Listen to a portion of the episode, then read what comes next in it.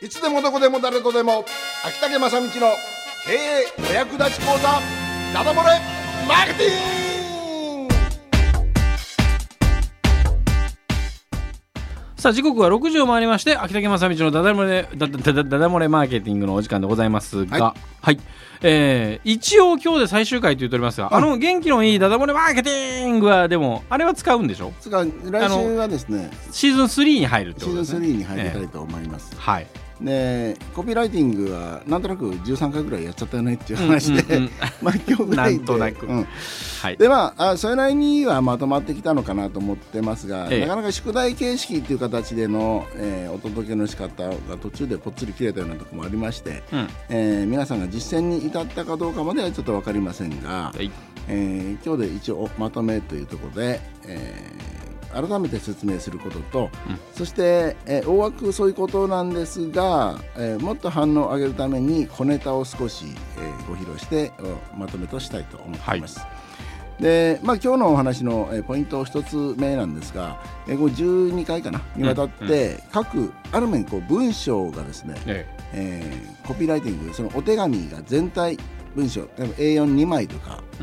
の仮に文章で作ったとしましょうと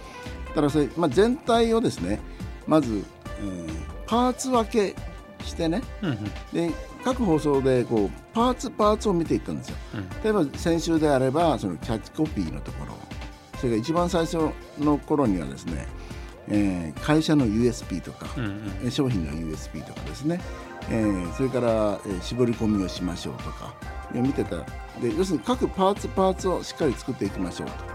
ということだったんですがそれをきれいに順番通りに並べましょうっていうことが、えー大切うん。だから文章セールスライティングっていうのはあのー順番がお客様のの気持ちが高ぶるような並べ方しなきゃいけないってことなんですね。うん。だからキャッチコピーがありまして例えば一番最初にもう買ってくださいなんていうことを言ってもお客様はその気になってないから、えー注文しようがないっていう話なんで、だから、えー問題を、えーきちんと並べましょうということでお勧めしているのが、えーまず問題点を提示しましょう。えー要するに、えー、大体お客様っていうのは喜ぶことか楽しいことかそれが困ったことが解決されるかどっちかで動きますのでまずは問題点あるいはお客様が困っていることを提示してあげて、えーそれを目に見えるように実際にイメージできるように、えー少し、えー、あぶり立ててあげましょうと、どうん。えーえー腰痛に効くとかじゃなくて朝起きたら腰が痛いとかありませんかっていうような目に浮かぶようなイメージできるような言葉で伝えましょうとですね。でそこに、えー問題点が今度解決策を出します、えーこう実はそういう方にこういうものがございます。でそれからですね、えー商品の USP っていうのを、えー見た見て、えー過去見たんですけども、うん。その時にこういうものがございます。この商品はズバリ〇〇で〇〇な商品でございますっていうのを提示しますでそれから多少、まあ、一番皆さんが書きやすいですね。その商品の特徴やらをずっと書いてですね、えーまあ普通セールスデータで失敗するのは商品のスペックとか特徴特徴ばっかりダーッと書いてですね、パンフレット一緒に送って反応が悪いってあるんですよ。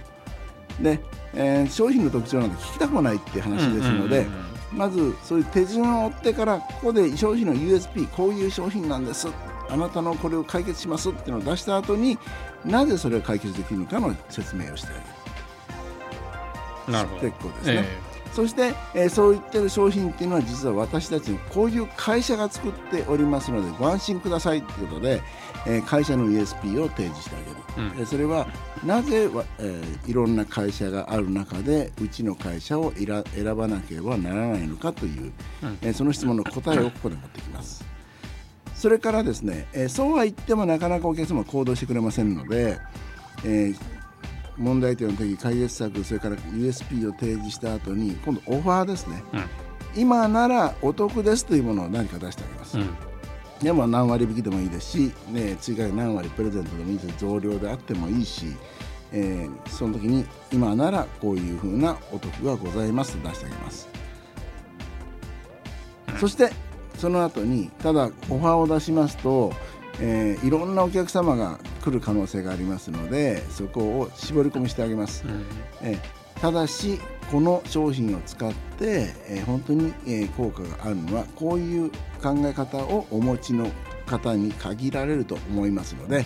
えー、そのあたりそうでそういう考えじゃない方はご遠慮くださいみたいなことを書いてあげるとですね、えーえー、クレーマーがまず来ませんので、うんうんうん、期待を裏切るがありませんので、ねはいはい、そういうものをつけてあります。そしてその後大体署名ですね、うん、おあお申し込みは今すぐ。お申し込みは今すぐ。こちらのご注文書にご記入くださいということなんです。で、えー、署名がですね、えー、できれば自分の自筆の署名が入った方がいいんですけども例えば、えー、文字工の村の秋田木正美氏という署名を入れまして今まで言ってないかなり一番重要と言ってもいいことを言います今からね、うん、でその後に必ず追伸を書きます。追伸、うん、今まで言ったことすべて忘れて忘れていい加減なセールスデータ書いてもいいぐらいにこの追伸は重要です。というのはお客様というのはまず読み始めて、えー、全てを読み終わる前に追伸があれば追伸を読みます、うん、えー、目の動きがですねいきなりキャッチコピーから追伸に行っちゃうこともあるんです。はいはい まあね、えー、でそこで追伸のところに何を書くかというとこのお手紙の中で一番訴えたいことを書きます。例えばくれぐれもこのオファー特典には、えー、限定がございます。人数に限りがございますので今すぐお申し込みくださいとか、うん、くれぐれも申し込み期限は何日までですので忘れないように冷蔵庫に貼っといてくださいとか。今回のこのような特典は、えー、先生の都合で長く続くことはありませんこの機会をお忘れなくとかそういうですね一番伝えたいことをこの追伸に書きます、うん。うん、あのこの追伸の書き方もいろいろありまして追伸今ちょうどこの企画に反対する嫁が出かけましたので その隙にはがきをお出ししますとか書く。こっそりお出ししますとか書くんです。いかにもこのねあの、うん、そういうことを書けばですねお客様は心を動かしてくれますので、えー、これ、ね、結構正直にですね、えー、自分とこの内情を暴露していいと思うんですけれども、うん、そういうものを書いてあげるということです。ということで、えー、問題点から始まってずっと追伸まで、えー、書きましたこれで一応コピーライティングの形は整います。でもっともっとですね実は、えー、反応を上げる。しかしこれから先上げるのは例えば1%が2%という2%が4%が倍になる反応率が倍になるという世界ではありません、うんうん、え0.0何パーセントのアップ、えー、これを書くことによって要するに100件の注文が102件になるとか、うんうん、えー、そういう1件2件を大切にしたいという方はぜひ書き込んでもらいたいんですが、うん、一つは落書きをするですね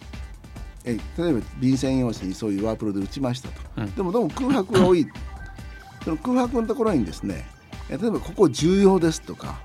例えばこの商品はズバリ何々なんですっていうところにちょっと矢印引っ張ってここ重要ですと書いたりあるいは波線を入れたり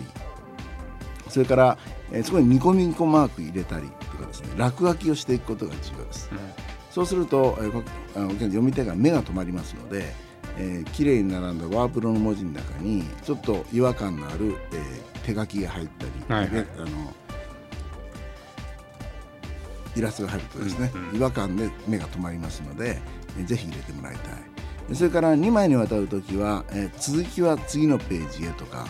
一番下の欄にですね、えー、矢印を入れて次のページをお読みくださいとかあるいは矢印入れて次のページが面白いですとか、えー、そういうふうな次へ なるほど、うん、あの順路みたいなものですね、はいはいはいはい、そういうものを入れてあげると、えー、これがまた、えー、読む率が高まりますので非常にそれと勢いが出てきます。文章の中にですね、うん、えー、その紙のとしての勢いが出てきますので、うん、あとですね、あのー、行動をしっかりと明確な行動の指示なんですが今すぐ、えー、お電話くださいとかそれから今すぐご注文書に、えー、手紙、えー、書いてお送りくださいっていう、うん、えー、そういうものを書き込むんですがその中に今すぐペンを持ってとかね。それから鉛筆を持ってとか、え間違わないようにとか、うん。えそういうふうなこうイメージできそうなことを入れてやると行動が高まります。うんうんのであのくどいようであったりそれからしつこいようであってもそういうことをきちんと書いてあげるそうすると読み手は従順にそれに従って、えーやってくれますので、えーまたそこに微笑みを、えー生んだりしますんでね微笑,、えー微笑ましさがこう出てあの感じたりしますので、うんえーそういうふうなくどいような書き方でも大丈夫なんでやってください。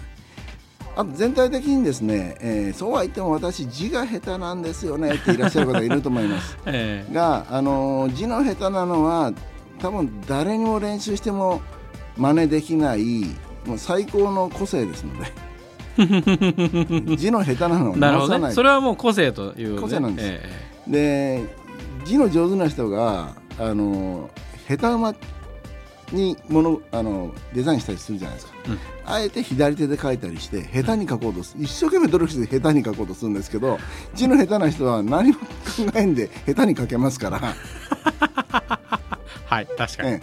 で字の下手だと思ってる人は一番最初に、えーお手紙のところへ「何々様へ」という書いた時にですね、あの下手な字でごめんなさいと一言書いてください、なるほどね。そうかそうかそうか、はいうんそこは正直に、うん、それでいいんです、えいつも下手な字でごめんなさい、うん。それからそ同じようにですねえ字の問題ではないんですが例えばすごい営業下手な方がいると思います、で要するに私言葉ががどうもあのうまく、えー営業マンのように喋れないっていう方がいらっしゃる、私は滑舌の悪いパーソナリティみたいなもんですね。そういう時には、はいはい。手紙の最初に私は、えーなかなかその職人なのでうん。うまく伝えられませんが一生懸命書きましたと書いてください、なるほどね。ええ。そう書けば、えー後がどんなに下手な下手な文章でも一生懸命読んでくれます、うん。一生懸命読んでくれますねでそういうことを書いてもらいたいでそれがですね実はその人らしさというものを伝えるものになって、えー親近感が非常に湧きますので、まあ、あの大きな文章展開の流れっていうのはきちんと踏んでもらいたいんだけれどもあのちゃんとポイントで最後通信を入れてそして全体としてあなたらしさを出していくっていう細かい作業をですね、ぜひやってもらいたいと思います。そうするとあの反応率がアップしてくるようになると思いますしはがき1枚でもちろんあのどのぐらいのお客様の、信者、えファンドファンの濃いさか分かりませんがどうせ出すならば、え、30%ぐらいの DM ヒット、え手紙を出してはがきを出したら30%ぐらいは来店いただきますぐらいの、えそういうですねあのお手紙を作っていただきたいなと思っている次第でございます。うん。30%すごいですからね、うん。えー普通あの10%いかんったらやっぱいかんなって思ってもらいたいと思いますね じゃあもう絞り込んで絞り込んでね絶対来そうな人だけに出して、うん。それでいや6割来ました。7割来た当たり前うんうんなんですけど、まあ過去の休眠客を掘り起こしのために出したもので、30%来るっていうような、えーものが作れると本当に、えー DM として、えー働いてくれる、うんうん。えー紙の上の営業マンとして働いてくれる DM をぜひぜひ作ってもらいたいと思っております、以上です。はいはい、えー、秋竹正道のダダ漏れマーケティングコピーライティングセミナーシーズン2はこれにて終了でございます。どうもありがとうございました。